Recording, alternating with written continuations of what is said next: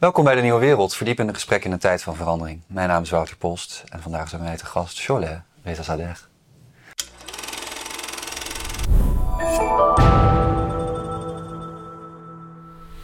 Sholeh, welkom. Dankjewel.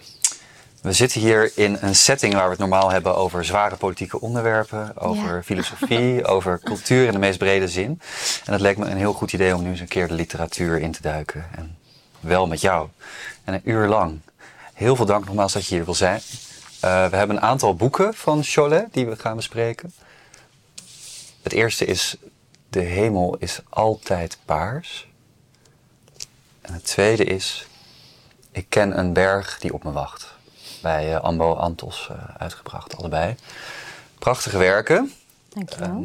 Een goede vriend van mij, de adjunct van HP De Tijd, Nick Muller, die vergeleek jouw schrijven qua stijl en misschien ook qua inhoud met eh, Paulo Coelho Oh, en Couperus. wauw.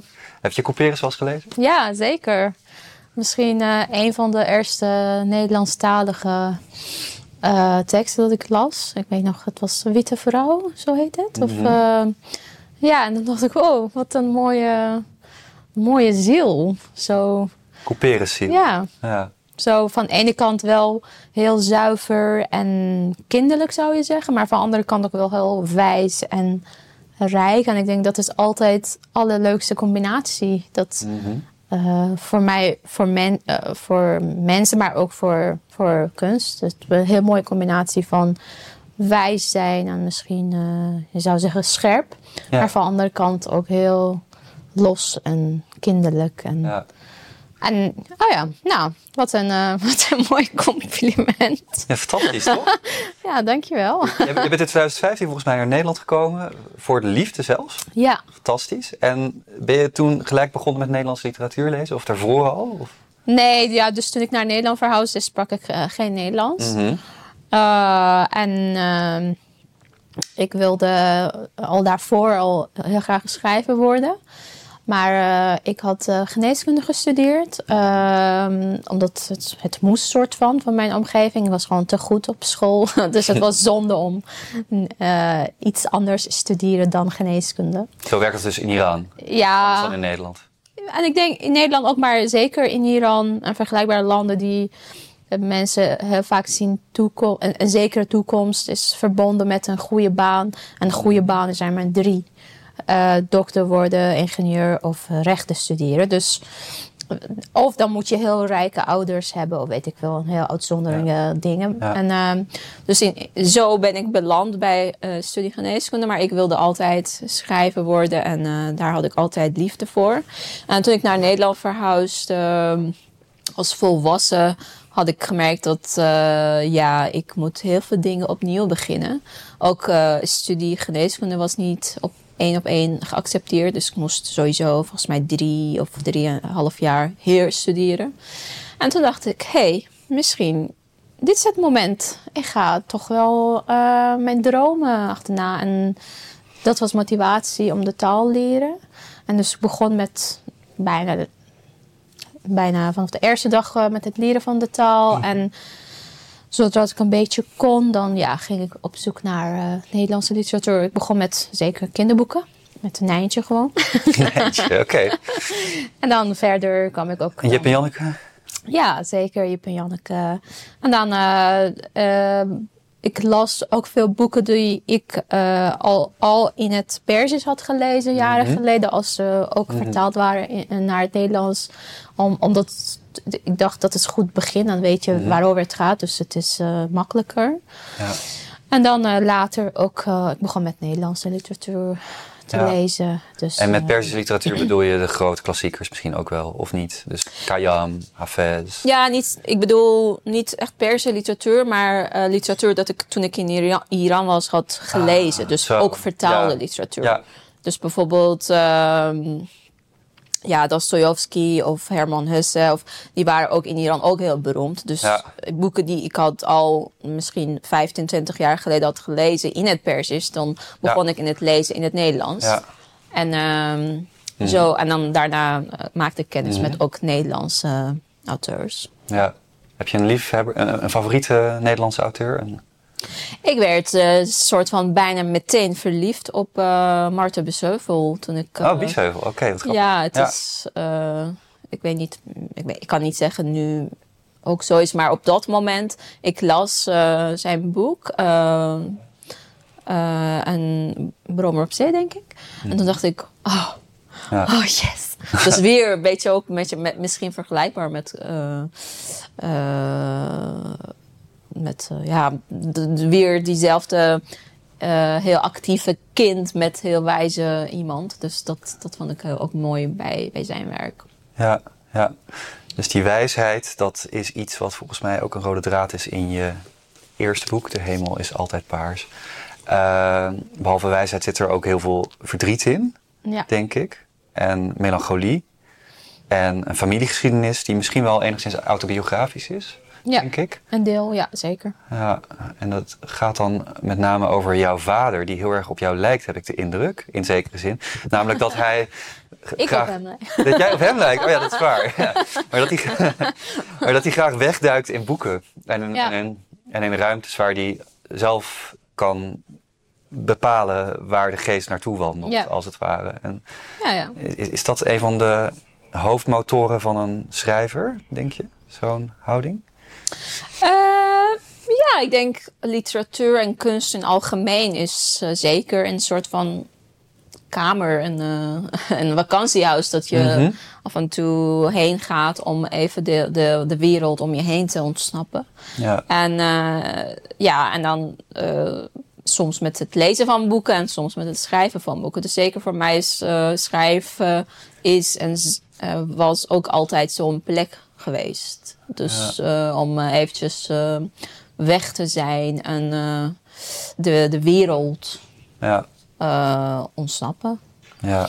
Dat doe je eigenlijk in dat boek ook de hele tijd. Voor zover het autobiografisch is. En ook voor zover de hoofdpersoon niet autobiografisch is. Ja, De hoofdpersoon die, die, die, die, die, die fixeert zich de hele tijd op bomen. ja. En is dat een Iraans gebruik om je op bomen te fixeren? Of heeft dat met iets anders te maken? Eh, ik denk sowieso misschien in, eh in eh Iraanse literatuur. Ik weet niet wat dat betekent, maar Ja. als je zo kan zeggen. Het is zeker mm, iets meer ruimte voor de natuur vergelijken Mhm. met wat heb ik tot nu toe in, in, in Nederland gelezen. Mhm. Ehm, maar ik kan niet zeggen per se bomen. Maar voor mij boom was... ik begon met het schrijven van dit boek toen ik... ehm, ik was net verhuisd naar Nederland en eh, voor de eerste 1, 2 jaar... Ik zag elke ochtend echt onbewust eh, tijdens ontbijt en tijdens thee drinken naar buiten kijken. En naar buiten was een heel mooie grote boom. En ehm, ik zou zeggen, misschien die boom was mijn allereerste vriend in Nederland, die altijd daar was. Ik hoefde geen afspraak Ja. maken, ik hoefde niet eh, Ja. in zijn mm, plannen passen. Ja. Was daar altijd elke ochtend.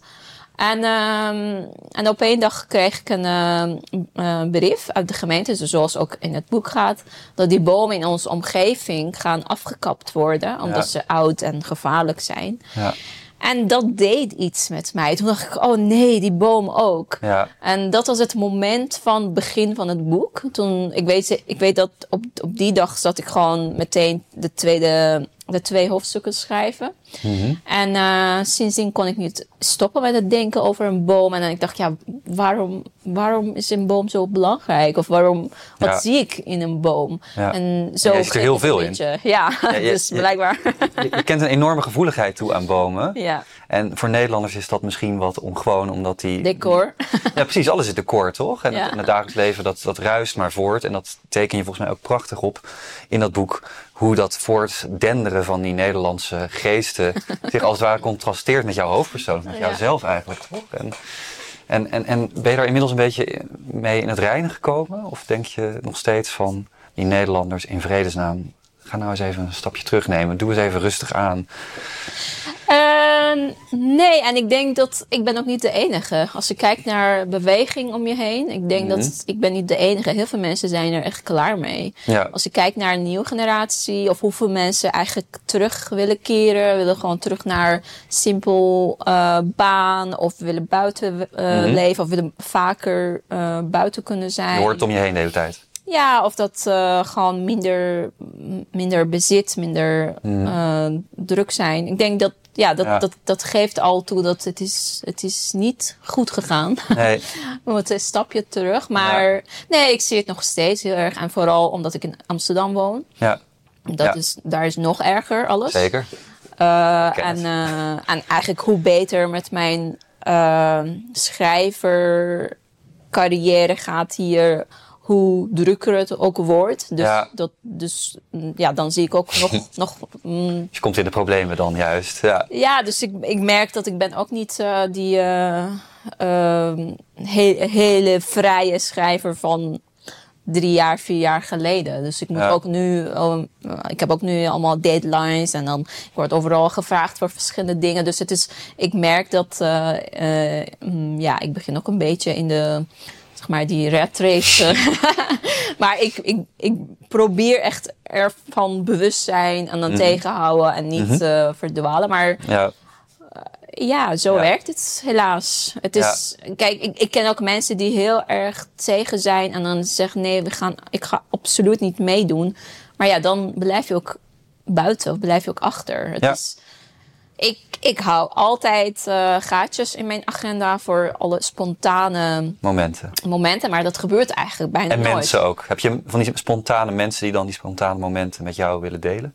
Ja, dus daar, daar hoop ik heel Ja. erg op, maar Ja. het gebeurt heel af en toe. Heel In je boek weinig. gebeurt er best wel veel, toch? Ja, eh, ja. Ja. dat is. Dat is meer hoop dan realiteit, toch? Ja, alsof niemand niks te doen heeft in het boek. Nee, nou ja, sommige Nederlanders hebben dat natuurlijk wel, toch? Er is wel een soort van groep. Ja, zeker. heeft. Maar ik bedoel, eh, je kan de hele tijd eh, te- eh, ja, jezelf een beetje willen ehm, beschermen, maar het is heel moeilijk. Ja, Het is ehm, Ja. voor iemand die niet eraan gewend is of wil niet zo doen, ja. eh, het is wel lastig.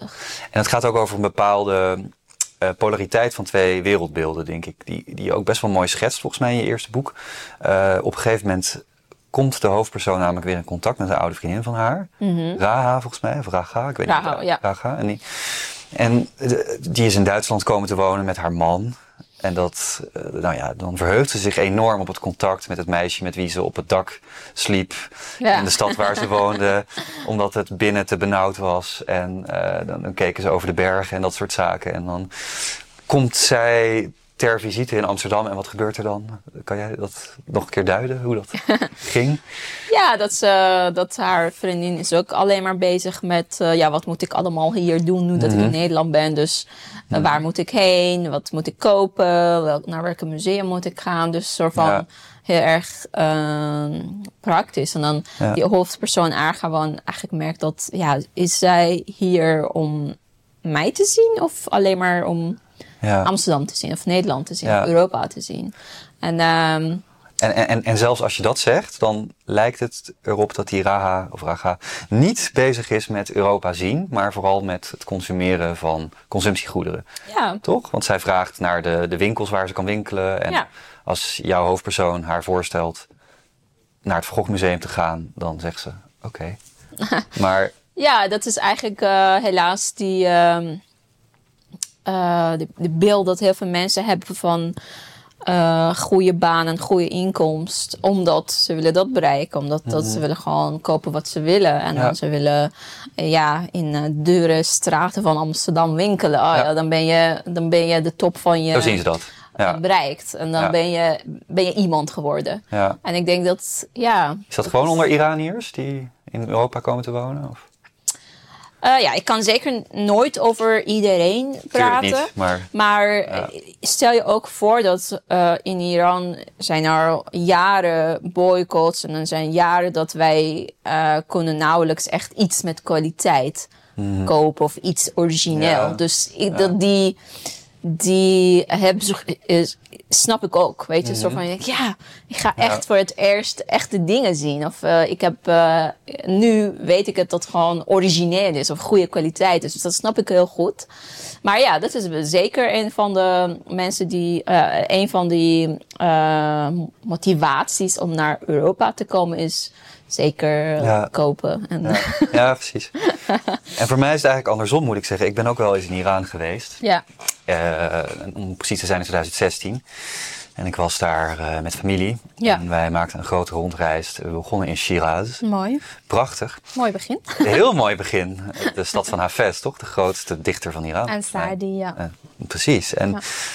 Eh, op een gegeven moment reden we naar Jaast. En op weg naar Jaast zaten we in een klein dorpje. Mhm. Eh, laten we zeggen 17e eeuw is een vestingstadje. Oh ja. Met 200 inwoners of zo misschien. En die wonen dan allemaal in een dorp aanpalend aan het originele gefortificeerde dorp. Ja.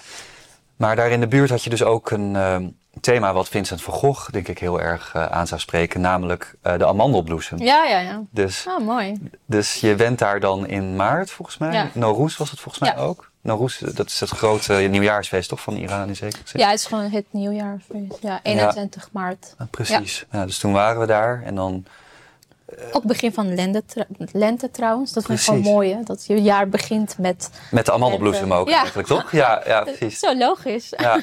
Maar dat is dus wel leuk, denk ik, voor kijkers van de nieuwe wereld ook om te begrijpen dat zoiets eigenlijk eh, normaals in de ogen van een West-Europeaan als de amandelbloesem Ja. ineens dan in zo'n gaard daar, ook in een vrij, hè, je hebt vrij weinig neerslag in dat gebied. Ja. Laten we zeggen 300 mm per jaar misschien. Ja. En dan midden in die eh, tamelijke toendra, of, nou dat is niet waar, steppen.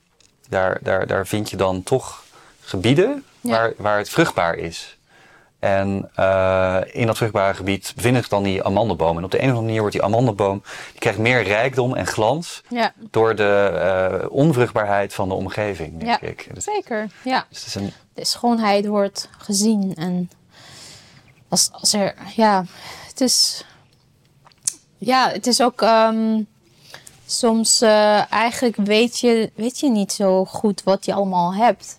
Omdat, ja, het is overal. En, dan, en het, het, het- voor mij een van de eh, dingen dat ik heel erg mis, zijn de bergen. mhm. En ik kom uit een gebied, een hoog gebied met, heel, met overal bergen. Dus ik, ik had nooit echt eh, bedacht dat ik ga ergens wonen dat geen enkele berg is.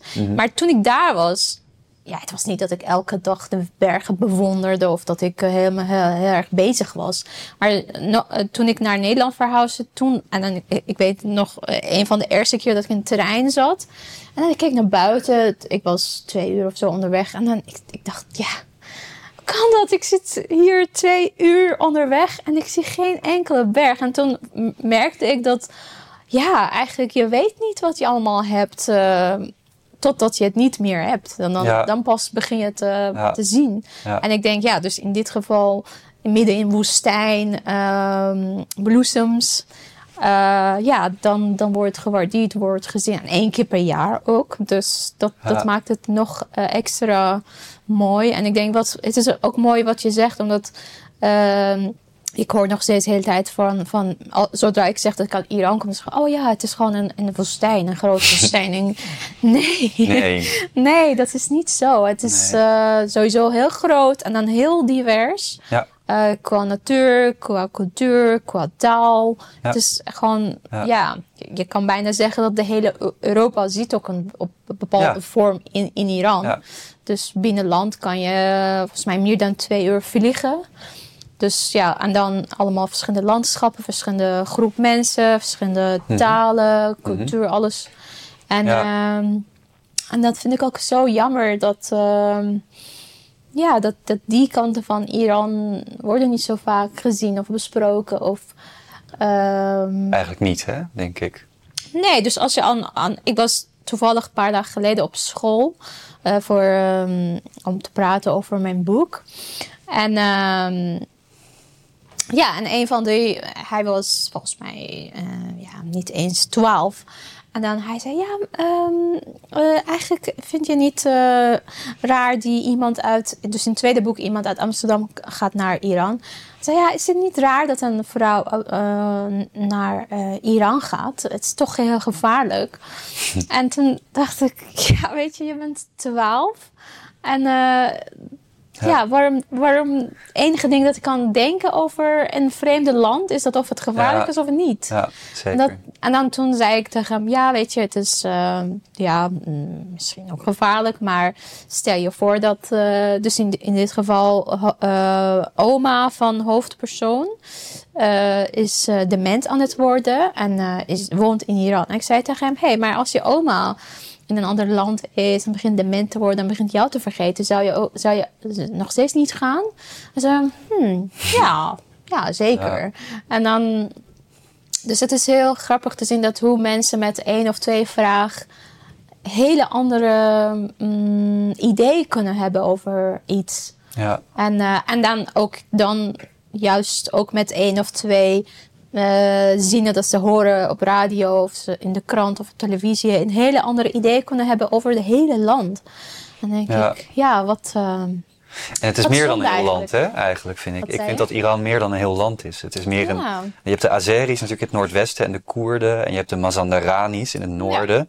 ja, Waar de Pahlavis ook vandaan komen. En jij kent, ik kan me voorstellen dat jij ook niet al die gebieden kent. Want het is natuurlijk Nee. net zo ver als van hier naar eh, San Sebastian in eh, Spanje. Of ja, wat ik zei, je kan gewoon twee uur, meer dan twee uur vliegen binnen land. Ja, En dan kom je allemaal verschillende, Ja. zelfs talen tegen. ja. Eh, nee, ik ben ook niet eh, naar, naar alle plekken in Iran geweest. logischerwijs. Of, Nee. of eh, alle volken heb ik ook niet gezien. Nee.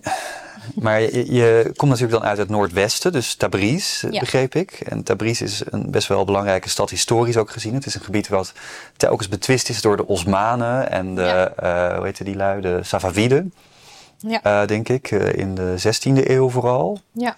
Dus eh, toen was eh Tabriz ook hoofdstad van... Ja, precies. Ja, Ja, Iran. Ismaël I volgens mij was toen de keizer van Iran. Ja, En hij was in oorlog met eh, Suleiman de Grote. ja. En, Tit- en Titiaan die heeft er allemaal heel mooie portretten van gemaakt. Ook met trouwens eh, Frans de Eerste van Frankrijk en de eh, Duitse Habsburgse keizer. Dus die worden allemaal op een soort van gelijke voet geplaatst daar. Dus dat Ja. is wel, vind ik prachtig. maar Maar jij bent niet naar Tabriz geweest, ik ben niet naar Tabriz geweest, maar wel naar Esfahan. Ja, ja is ook Safaviën waren ook daar. En het fascinerende van Esfahan is dat Esfahan eigenlijk op een gegeven moment, toen Tabriz geëvacueerd moest worden voor de Osmanen, Ja. een gigantische stroom van immigranten uit dat gebied heeft gekend. Ja. En dat er eigenlijk heel veel Azeris en Koerden en ook Georgiërs en Ja. dergelijke en Armeniërs in eh Esfahan zijn komen te wonen. Ja, Waardoor die stad dus een eh, ongelooflijke diversiteit aan culturen kent. Wat extreem paradoxaal is als je bedenkt als Nederlander dat wij Ja. hier de hele tijd onze mond vol hebben van diversiteit. exact. en en, en als, ik, als ik daar dan ben, dan verwonder ik me de hele tijd over dat soort. eh, er is bijvoorbeeld ook een kerk daar. Dat is een van de mooiste kathedralen ter wereld van de Ja. Armeniërs. Eh, Giotto, Eat Your Heart Out is Ja. het echt. eh, en dat, nou, goed, dat geldt natuurlijk ook voor het grote marktplein daar. Maar ik, wil, ik, wil- ik wilde dat even in gesprek met jou van het hart hebben. Dat ik dat eh, toch wel belangrijk vind. Om ook aan kijkers van de nieuwe wereld misschien mee te geven. Dat het heel evident is dat, die, hè, dat, dat Iran niet is wat het lijkt. ja. En, en, en op een positieve manier. Ja, dat vind ik altijd eigenlijk eh, zonde. En eh, dat is ook een van mijn. eh die, een van de dingen dat ik heb altijd achterhoofd. Soort van, als ik het schrijf, wil ik ook die onzichtbare kanten van Iran laten zien. En, eh, en, eh, ja, en ook vooral, weet je, die. Heel, heel veel mensen hebben een idee van wat. wat, wat gaande is in Iran. Of wat van politieke eh, achtergrond Iran heeft. Of, of, eh, die soort dingen weten mensen. Maar, als je, maar ze hebben nauwelijks idee over gewoon volk. Of over Ja. iemand uit Iran. Ja. Die gewoon daar dagelijks Ja. leeft. En dan, en dan eh, of, of wat ik zei, die fascinerende natuur daar. Of die diversiteit. Of heel, veel, heel veel andere aspecten dat ik denk, ja, waarom, waarom hebben we nooit daarover? En eh, dus dat Ja. vind ik altijd interessant om ook daarover te schrijven en om daarover te hebben. En eh, krijg ik ook best vaak kritiek dat ja, waarom. eh, maar als, als jonge vrouw uit Iran moet je over dit en dit en dit hebben. en ik zei, nee, Ja. ik denk, Ja. daar zijn genoeg media voor. voor en ik wil ja, over de andere kant van Iran hebben. Het, uh, Iran is. Eh, Ja, zeker. Ik, uh, ik, ik wil niet zeggen dat uh, Iran is, alle, is heel mooi en alles is goed. Nee, nee, zeker niet. We zitten al honderden jaren in problemen. En uh, het is ook niet wat daar. en juist omdat het zo mooi en waardevol is, is altijd problematiek. maar ja, ik denk dat Iran ook ander soort van aandacht verdient. En daarom. Ja ja, daarom schrijf ik op, ook op andere. Ja. Uh, of ook andere problemen. Weet je, opium is ook een probleem in Iran. Gigantisch, in, vergelijk, ja. in vergelijkbare landen. En, maar ook, ja, maar ook. Uh, ook uh, die over, in het tweede boek over nomaden in Iran. Ik denk, hoe, hoe mooi is dat? Dat er zijn nog steeds mensen die daar echt als nomaden leven. En, dan, en wij waren allemaal ooit nomaden. Ja. Maar ik, dus zelfs weer op school. Ik vroeg aan scholieren: weten jullie wat nomade is? En dan was zo. En denk ik: hoe kan dat? Ja. Waarom? Ja, het is zo mooi. En dan... Het is niet Nederlands, hè? Het nomadenschap. Het wordt niet geassocieerd met wat dan ook. We hebben natuurlijk die bossen gehad tot 3000 jaar geleden. En toen werd het allemaal een beetje ontgonnen. Nee, langzaam. maar, maar jij hebt over diversiteit. Mhm. Ja, en diversiteit begint met uh, begrip van de anderen en dan empathie van de anderen. En dan, dus uh, toen, ik, uh, toen ik die nomaden tegenkwam en ik zag dat hoe ze, zonder dat ze echt weten last hebben van klimaatveranderingen. Ja, dus ik, ik denk niet dat, dat een nieuwe generatie gaat, uh, kan doorgaan met, uh, nee. met nomadische leven. Stel je voor dat je bent 50 dagen te voet onderweg. Mm -hmm. om, je, om, om voor je kudde vers gras te vinden. En, en die heb je al honderden jaren hetzelfde pad uh, heb, heb, je gelopen. En dan je wist precies wanneer moet je vertrekken. En dan ben je daar en, en die, de seizoenen kloppen niet meer. Weet je? En dan denk je, ja. En die, ja als, als je aan, aan, aan een nomadische iemand vraagt, ja, klimaatverandering. Je zou niet weten wat het is. Conceptueel maar, niet. Nee. Maar ja, je, dat, maar ze voelen het, wil je zeggen. Ja, dat, maak je gewoon mee. Ja. Stel je voor dat je hebt, uh, weet ik veel, en uh, uh, jouw hele leven is veran verantwoordelijk van je kudde. En je kudde moet mm. eten. Ja. Maar en dan die, ja, om, die eten, om het eten te kunnen bereiken, moet je gewoon verhuizen. Verhuis je. Maar ja, de seizoen klopt niet meer. Of is het de, de, de, vroege lente, late lente, weet ik wel wat, wat wij ook hier zien. Ja. Maar daar ook, uh, dat, dat, en dan dacht ik, ja, ik moet ook daarover schrijven. Weet je, het is, ja. um, ik denk dat een van de um, belangrijke ja, missie klinkt heel erg uh, cliché. Maar hm. wat, wat je als kunstenaar kan doen, is die onzichtbare juist een beetje gezicht geven. Ja. Omdat zichtbare, ja. Ja, zichtbaar is zichtbaar, dat kennen we. Ja, ja en dan daar, daar hebben alle andere ja. mensen over. Weet dat gaat dan over politiek, hè? Dat is een laag die over elke samenleving natuurlijk op vergelijkbare en, manier uh, ligt. Maar dat is niet zo diepgravend als die psychologische, specifieke eigenschappen van zo'n land. Toch? En ook, ik, ik, snap ook niet dat, uh, ja, je weet heel veel over mm. uh, politiek. Wat, wat kan je doen als een, uh, als een lezer? Maar als je, als je mensen leert een beetje kennen, ja. dat groeit jouw empathie voor mensen om je geving. En dan, en dan, en ik denk dat is, ja, zeker iedereen mag schrijven over waarover ze willen. Maar dit is wat ik wil, waarover ik mm -hmm. wil schrijven. Ik, ik denk de grootste problemen dat wij altijd hebben gehad is juist omdat wij elkaar los van elkaar zien. Dat jij komt uit Iran, jij komt uit Nederland, al die grenzen. En terwijl het uh, uiteindelijk zijn we allemaal mens. En dan die, mm -hmm. onze emoties zijn allemaal dezelfde basis. En, mm -hmm. uh, en als wij een beetje af en toe daar kijken, weet je, los van waar we, waar we vandaan komen, dan, dan misschien hadden we al die problemen veel minder. Ja. Ja, dus je ziet, het gaat dan eigenlijk over handelen door middel van schrijven. Het uh, kernthema volgens mij ook naast dat nomadenschap in dat laatste boek is de rol van rivieren in het bestaan van mensen. Je vergelijkt de Amstel en de Aras met elkaar. Dat zijn twee totaal verschillende rivieren, toch? Ja. En, en, en hoe werkt dat dan?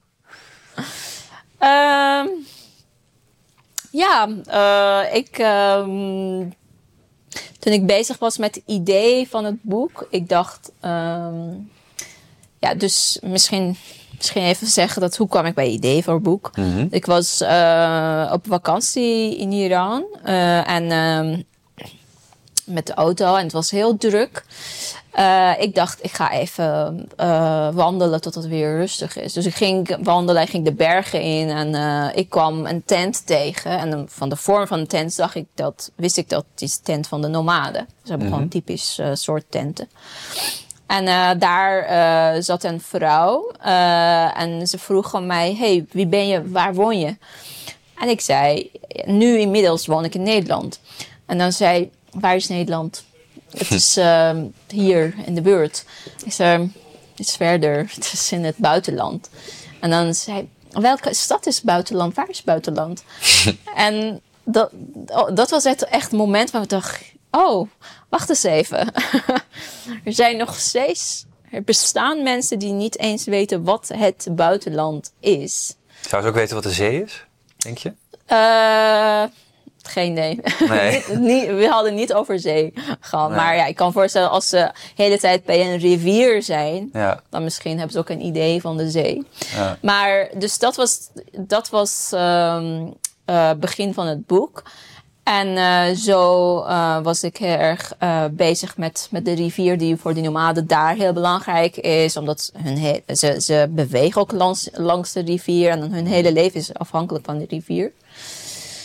En toen dacht ik, ja, ik heb ook een personage in Amsterdam. En dan dacht hé, hey, in Amsterdam hebben we ook een rivier. Mhm. Dus waarom niet de, deze twee rivieren ook een soort van als personage gebruiken voor eh, ook een beetje voor de sfeer van het verhaal, maar ook het was, het was eigenlijk heel erg eh, onbewust en, en ik zou zeggen automatisch. Het is, ik schrijf zeker, ik, ik denk heel veel na over waarover ga ik schrijven en hoe ga ik schrijven, maar heel vaak die personages ko- komen gewoon vanzelf binnen. Dus Ares kwam binnen en dan Amstel zei, hey, mag ik ook eh, daar zijn? Dus Maar de Amstel sprak toch wel tot je? Ik bedoel, je hebt natuurlijk ook aan de Amstel gezeten afgelopen Ja. zomer, neem ik aan. En, Ja. eh, dan, dan zie je al die eh, blinkende, gezonde, jonge mensen zie je daar zitten. En eh, met die, die rustige rivier gebeurt eigenlijk niet zoveel, toch? Zijn mensen aan het roeien en van die speedboten en allemaal elkaar tonen dat je ja, zoveel bent. Tenminste, dat vinden die mensen allemaal daar.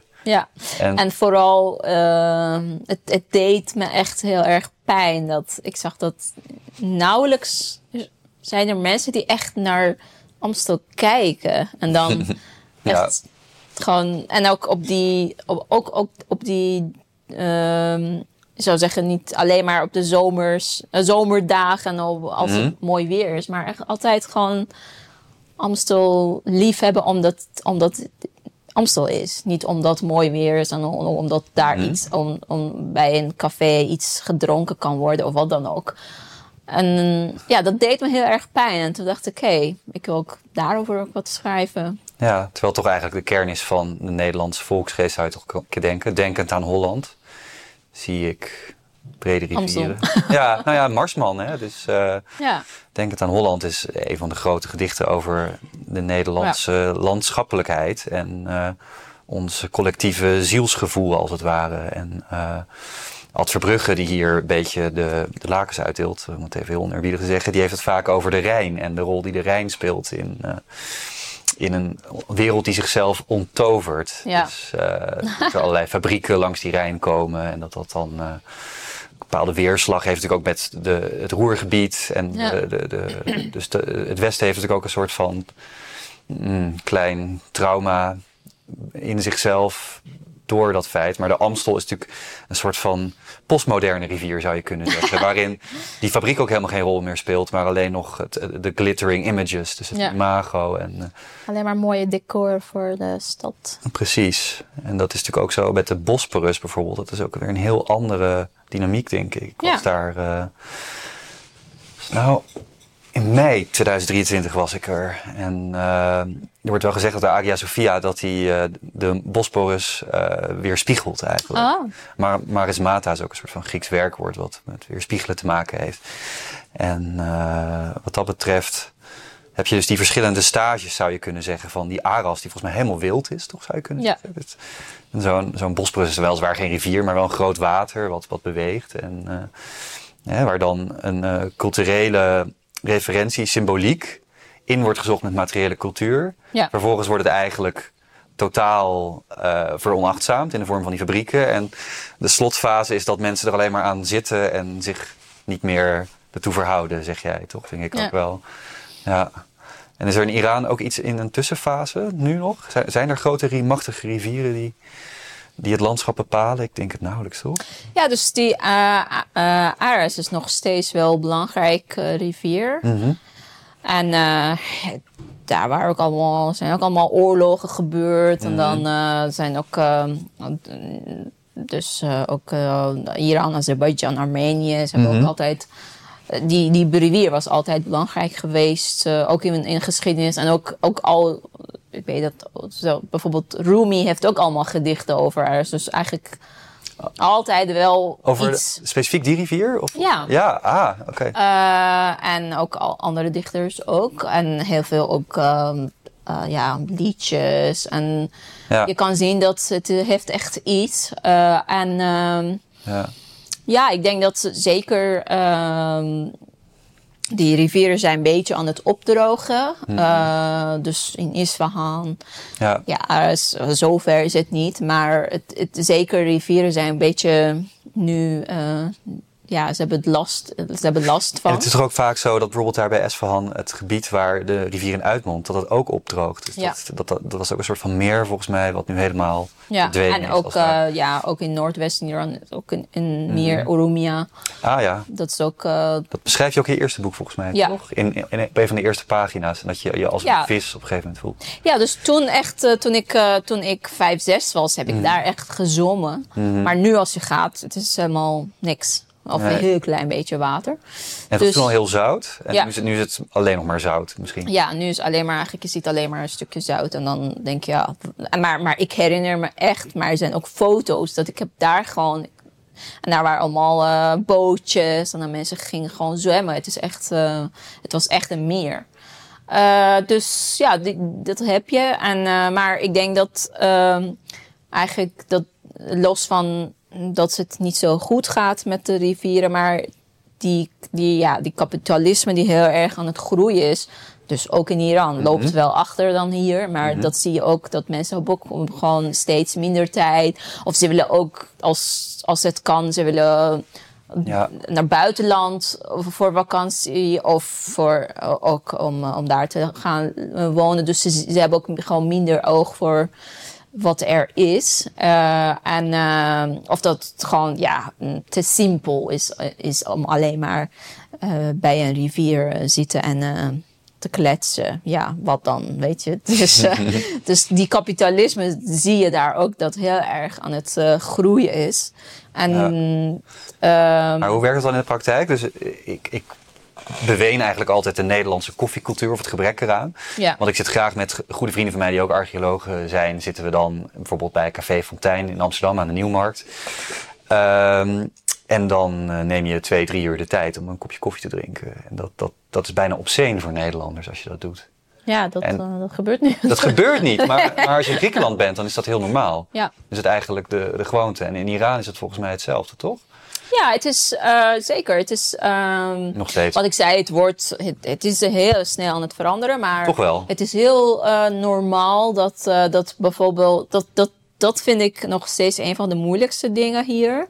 Dat het is heel normaal dat je iemand belt, je vriend of wie dan ook. Of je familie. En, en, en dan gewoon afspraak maakt voor... eh, voor over een uur of over twee Ja. uur. En dan ga je dan de hele, hele avond samen hangen. Mhm. Zonder echt een plan te hebben. Of, je gaat, of, of ga je eten. Of ga je gewoon naar buiten wandelen. Of wat dan ook. Maar eh, het gaat vooral over samen zijn. En samen tijd doorbrengen. En dan zonder, eh, zonder echt bepaald soort van bedoeling. Maar dat is, ik denk hier, dat is echt heel. eh, en en, en eh, mensen zijn, eh, ik weet niet, het is hier, ik heb heel, heel vaak het gevoel dat. ehm, als je afspraak wil maken, moet zeker een bedoeling zijn.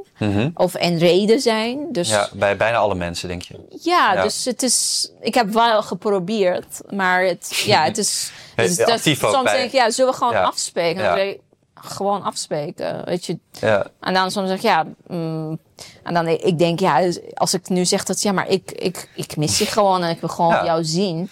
Ja. Dan, dan mensen schrikken een beetje of zo. Oeh, Ja, en dat breng je de hele tijd ook onder woorden, hè, in je boek. In je eerste Ja, boek. Terwijl dat is toch heel menselijk. Dat, eh, dat je. Ik weet niet. eh, ik snap nog steeds niet dat. Hoe kan ik weten dat ik over zes weken iemand zou missen?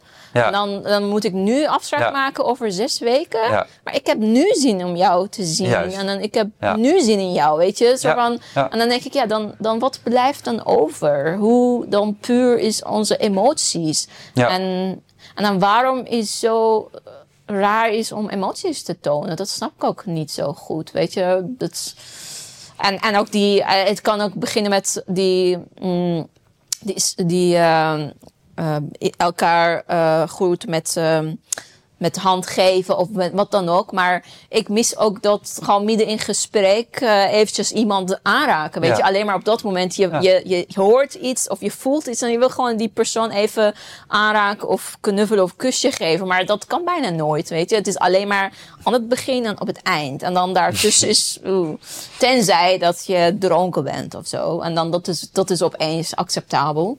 Ja. Eh, en maar- Nederlanders missen het ook niet echt, hè, over het algemeen. Ik, ik herken het wel heel erg en ik heb ook erg veel vrienden. Ja. En vriendinnen trouwens, met wie ik dat wel doe. Ja, dat En is... Nederlandse ook bedoel ik. Ja. Dus eh, het, het is er wel. Ja, alleen- zeker. Het is, eh, wat ik zei, ik, Eh. ik, ik heb niet echt, eh, ik kan nooit over. Maar iets wat je niet kent, kan je niet missen. Dat is natuurlijk ook bij Ja. Nederlanders zo. Dus, dus Ja, dus soms, de, en dat begin wat voor, voor mij was zo ingewikkeld, ik snapte niet. Dus ik ging een paar, een paar mensen vragen, maar, maar mis, als je iemand mist, wat doe je dan? Ik zeg, ja, ik mis niet zo vaak eh, iemand. Ah, oké, dus zo kan ook. ja, ja, Het kan dat gewoon dat je niemand mist. Oh, zo kan ook. ja. Terwijl dat, ja, ik, eh, ik mis de hele tijd iemand. Het is ongelooflijk hoe sterk dat in jouw eerste boek naar voren komt, vind ik. Dus ik vind het ook heel goed, eh, wat dat betreft prachtig geschreven. Dat, je, dat eigenlijk de wortel van heel veel gedragingen zijn eenzaamheid. Ja. En eh, de, de, de, wil om die eenzaamheid op te lossen. Je hebt het ook de hele tijd over planten. Je vindt kamerplanten, of althans je alter ego vindt kamerplanten zielig. Ja. Nou, in dit geval extra, hier achter mij.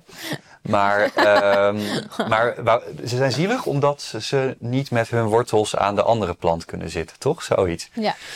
Nou, ik vind dat best een goed idee. Dat, dat klopt wel, toch? Dat, Ja. dat, dat er aarde moet zijn met- die je samen deelt. En eh, nee, ja, Nederlanders die hebben dat soort eh, gevoelens volgens mij gewoon niet zo heel eh, sterk. Ik, ik, ben, ik, ik, vraag me ook ernstig af wat dit betekent over onze volksaard. Je hebt bijvoorbeeld ook de term de Saksische paralyse van Menno ter Braak. Dus dat betekent dat er een soort van verlamdheid intrinsiek zit en, en een afstandelijkheid. Het, het heeft niet te maken met het geven van ruimte, maar met een. Ja, de, de, de, soort van ehm, negatie ervan meer, als het ware. Dus ja, gewoon doorgaan. En, ja. Want je hebt een prachtige ring om. Oh, dankjewel. Daar, wat, wat, stond er ook weer op? Iets van Rumi, toch? Dacht ik. Eh, ja, staat eh, het woord niet Ja. daarop. En eh refereert aan een gedicht, een, een regel van een gedicht van Rumi die zegt... In jahan hicho to hicho hich, baraye, mm, baraye hich bar chish mapich. Dus eh, jij bent niet, de hele wereld is niks, dus doe maar niet zo moeilijk voor al dat niet. Ja. In heel een beetje slordig vertaalde Nederlands, maar Ja. ja, zoiets. Dus, Ja. eh, en ik denk dat vergeten we heel vaak. ja. Zo van, zeker, eh, ja, Maar betekent dat dat je contractuele toestanden en, en tijdspaden, dat je dat een beetje los moet laten volgens Rumi? Of, wa- want Nederlanders doen dat natuurlijk niet, maar ze, ze hebben niet een heel hoog pet van zichzelf op. Zeker in het noorden van Nederland is het ook een beetje de teneur, doe maar gewoon, dan doe je al gek genoeg. En eh, ja, dat, dat is een heel vreemde soort van eh, andere Ja, ik denk dat als mens maken we ons altijd eh, wijs dat ja, dit is echt belangrijk. Ja, Dus voor iemand is familie, religie, eh, politiek, kunst, Mhm. wat dan ook. Maar je vindt gewoon iets, je denkt, ja, dit is, Ja. dit is echt belangrijk. ja, En dan gaan we ervoor. En dan, dat is, norm, dat is dat, dat Ja. vind ik gewoon natuurlijk. Ja, zeker. Dat is gewoon zo. Ja.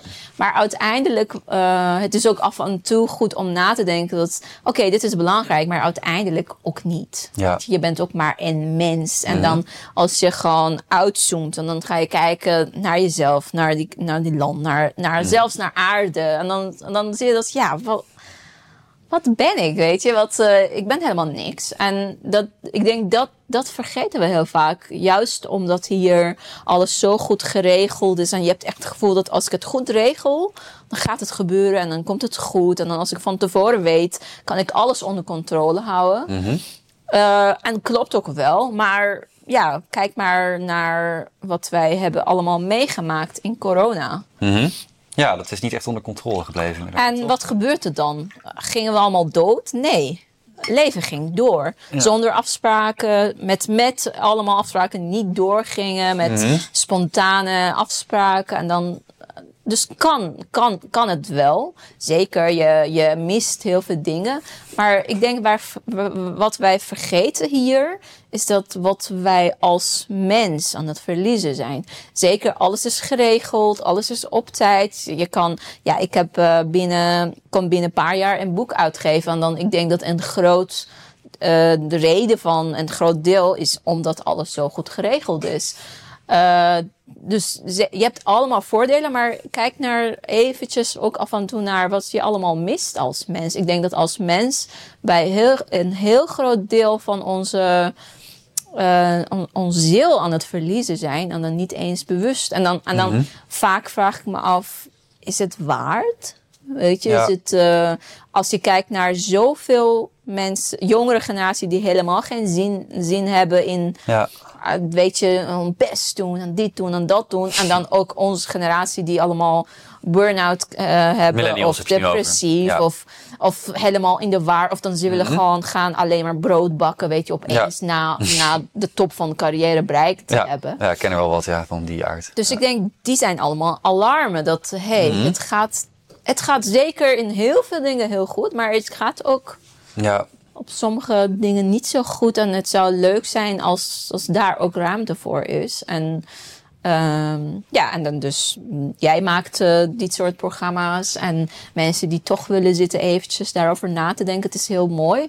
Eh, maar ik denk, het mag ook gewoon meer en mag gewoon verspreid worden. En dan in, in dagelijks leven ook eh, Ja, zichtbaar zijn ja, ja. soort van, ja, als iemand even aan je, aan je deur klopt en hij wil een kopje koffie met je drinken, doe maar de deur open en dan eventjes, la, vergeet alles even. Het, het, Ja. het is niet het eind van de wereld. Het kan Nee. echt gewoon. Het kan wel. Ja, het stemt enorm overeen met de filosofie van de nieuwe wereld, denk ik. Dus, eh, dus nogmaals ook even voor de kijkers, als jullie ons werk goed vinden en willen steunen, eh, sluit je dan vooral aan bij ons Petje Af construct. Eh, bij deze even dat kleine reclamerondje.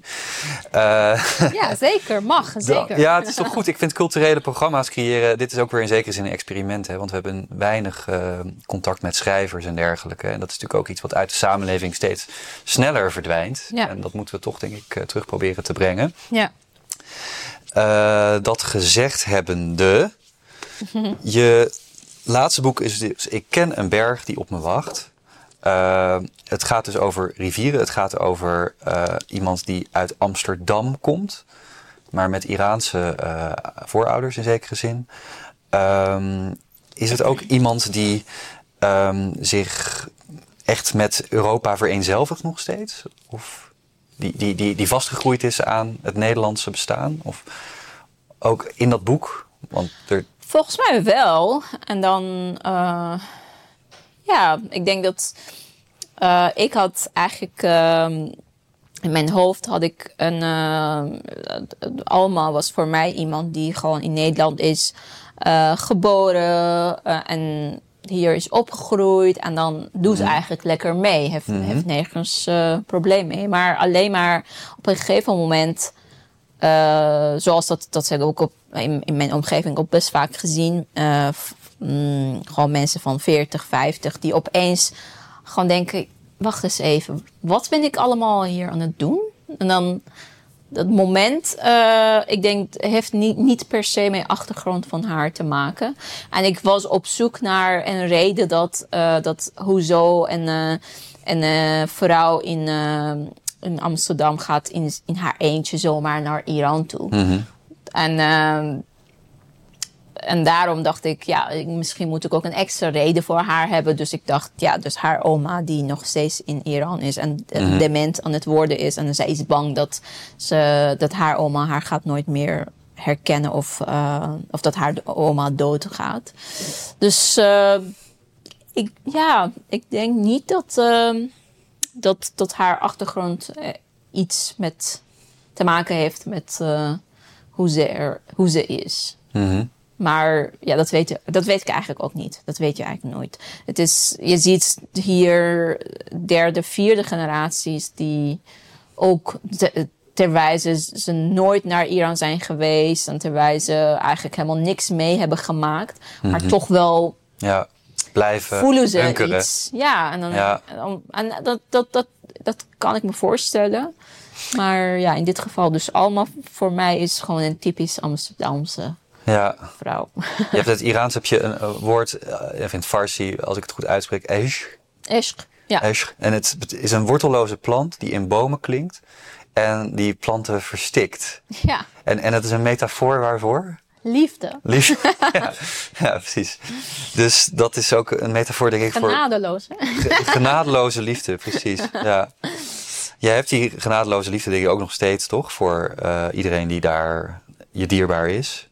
Ja, zeker. Ehm, en voor land zelf en voor, voor, voor, voor landschap, voor... Ja, zeker. Wat me zo opviel was dat, eh, dat in dat boek, dat eerste boek, de jongere en oudere mannen in de shisha-bar, wat een beetje geassocieerd wordt met decadentie en Oosterse mannetjes die dan een beetje dik geworden zijn en niks aan het doen zijn, Ja, ja. die zitten poëzie te reciteren. Ja.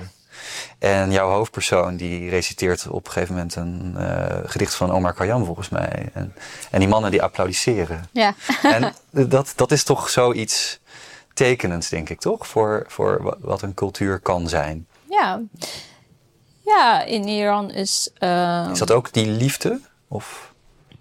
Ja, ik denk dat poëzie eh, is zeker een manier van communicatie in Iran. Dus ehm het verbinding. Het is zeker, zelfs onalfabetische mensen kennen zeker een paar eh, regels, eh, gedichten uit zijn hoofd. En dan dus vooral van eh, Rumi, Hafez of Khayyam. En dan, dat zoekt toch voor verbinding. Dus, Ja. en, en, en dat vind ik heel mooi. En dat vind ik, eh, ik denk dat dat kan ook hier zeker gebeuren. Dat, dat poëzie hier wordt altijd een beetje gezien als iets engs. Een beetje alleen Ja. maar intellectuele, rare, Ja. eh, heel exotische wereld is de Ja. wereld van poëzie. Maar, maar dat is helemaal niet zo. Nee. Eh, zolang wij als mens bestaan, bestaat poëzie, bestaan, bestaan verhalen. Dus dat zegt al genoeg dat het is zo basis en zo, ehm, ja, moet er zijn. En dan in dit geval dus een shisha-huis. Maar ik heb ook, ik weet ook nog dat toen ik een nachtbus was, werd ik wakker van eh, gesprek van chauffeur met iemand. En dan, ik dacht, ja, waar gaat het over? Drie uur s'nachts. En ze waren gewoon een poëzie aan elkaar aan het vertellen. En dan waren aan het praten over, ja, wat denk je dat eh, die, woorden, die bedoeld wordt? Dus ehm, ja, en ik denk dat ehm, ehm, Ja. dat, is, dat is iets moois. En dat is Ja. wat wij nodig hebben. Een intrinsieke nieuwsgierigheid in de taal naar elkaar. Ja. En de wortels van de liefde die we met z'n allen hopelijk delen. In Iran en Nederland misschien binnenkort ook. Als het aan mij ligt in ieder geval wel. En aan jou eh, heeft het zeker niet gelegen met deze twee prachtige boeken. Jolle, hartelijk dank. Jij ook bedankt. Dankjewel. En eh, de kijkers dank voor het kijken. En een hele prettige voortzetting van de dag. Dank u.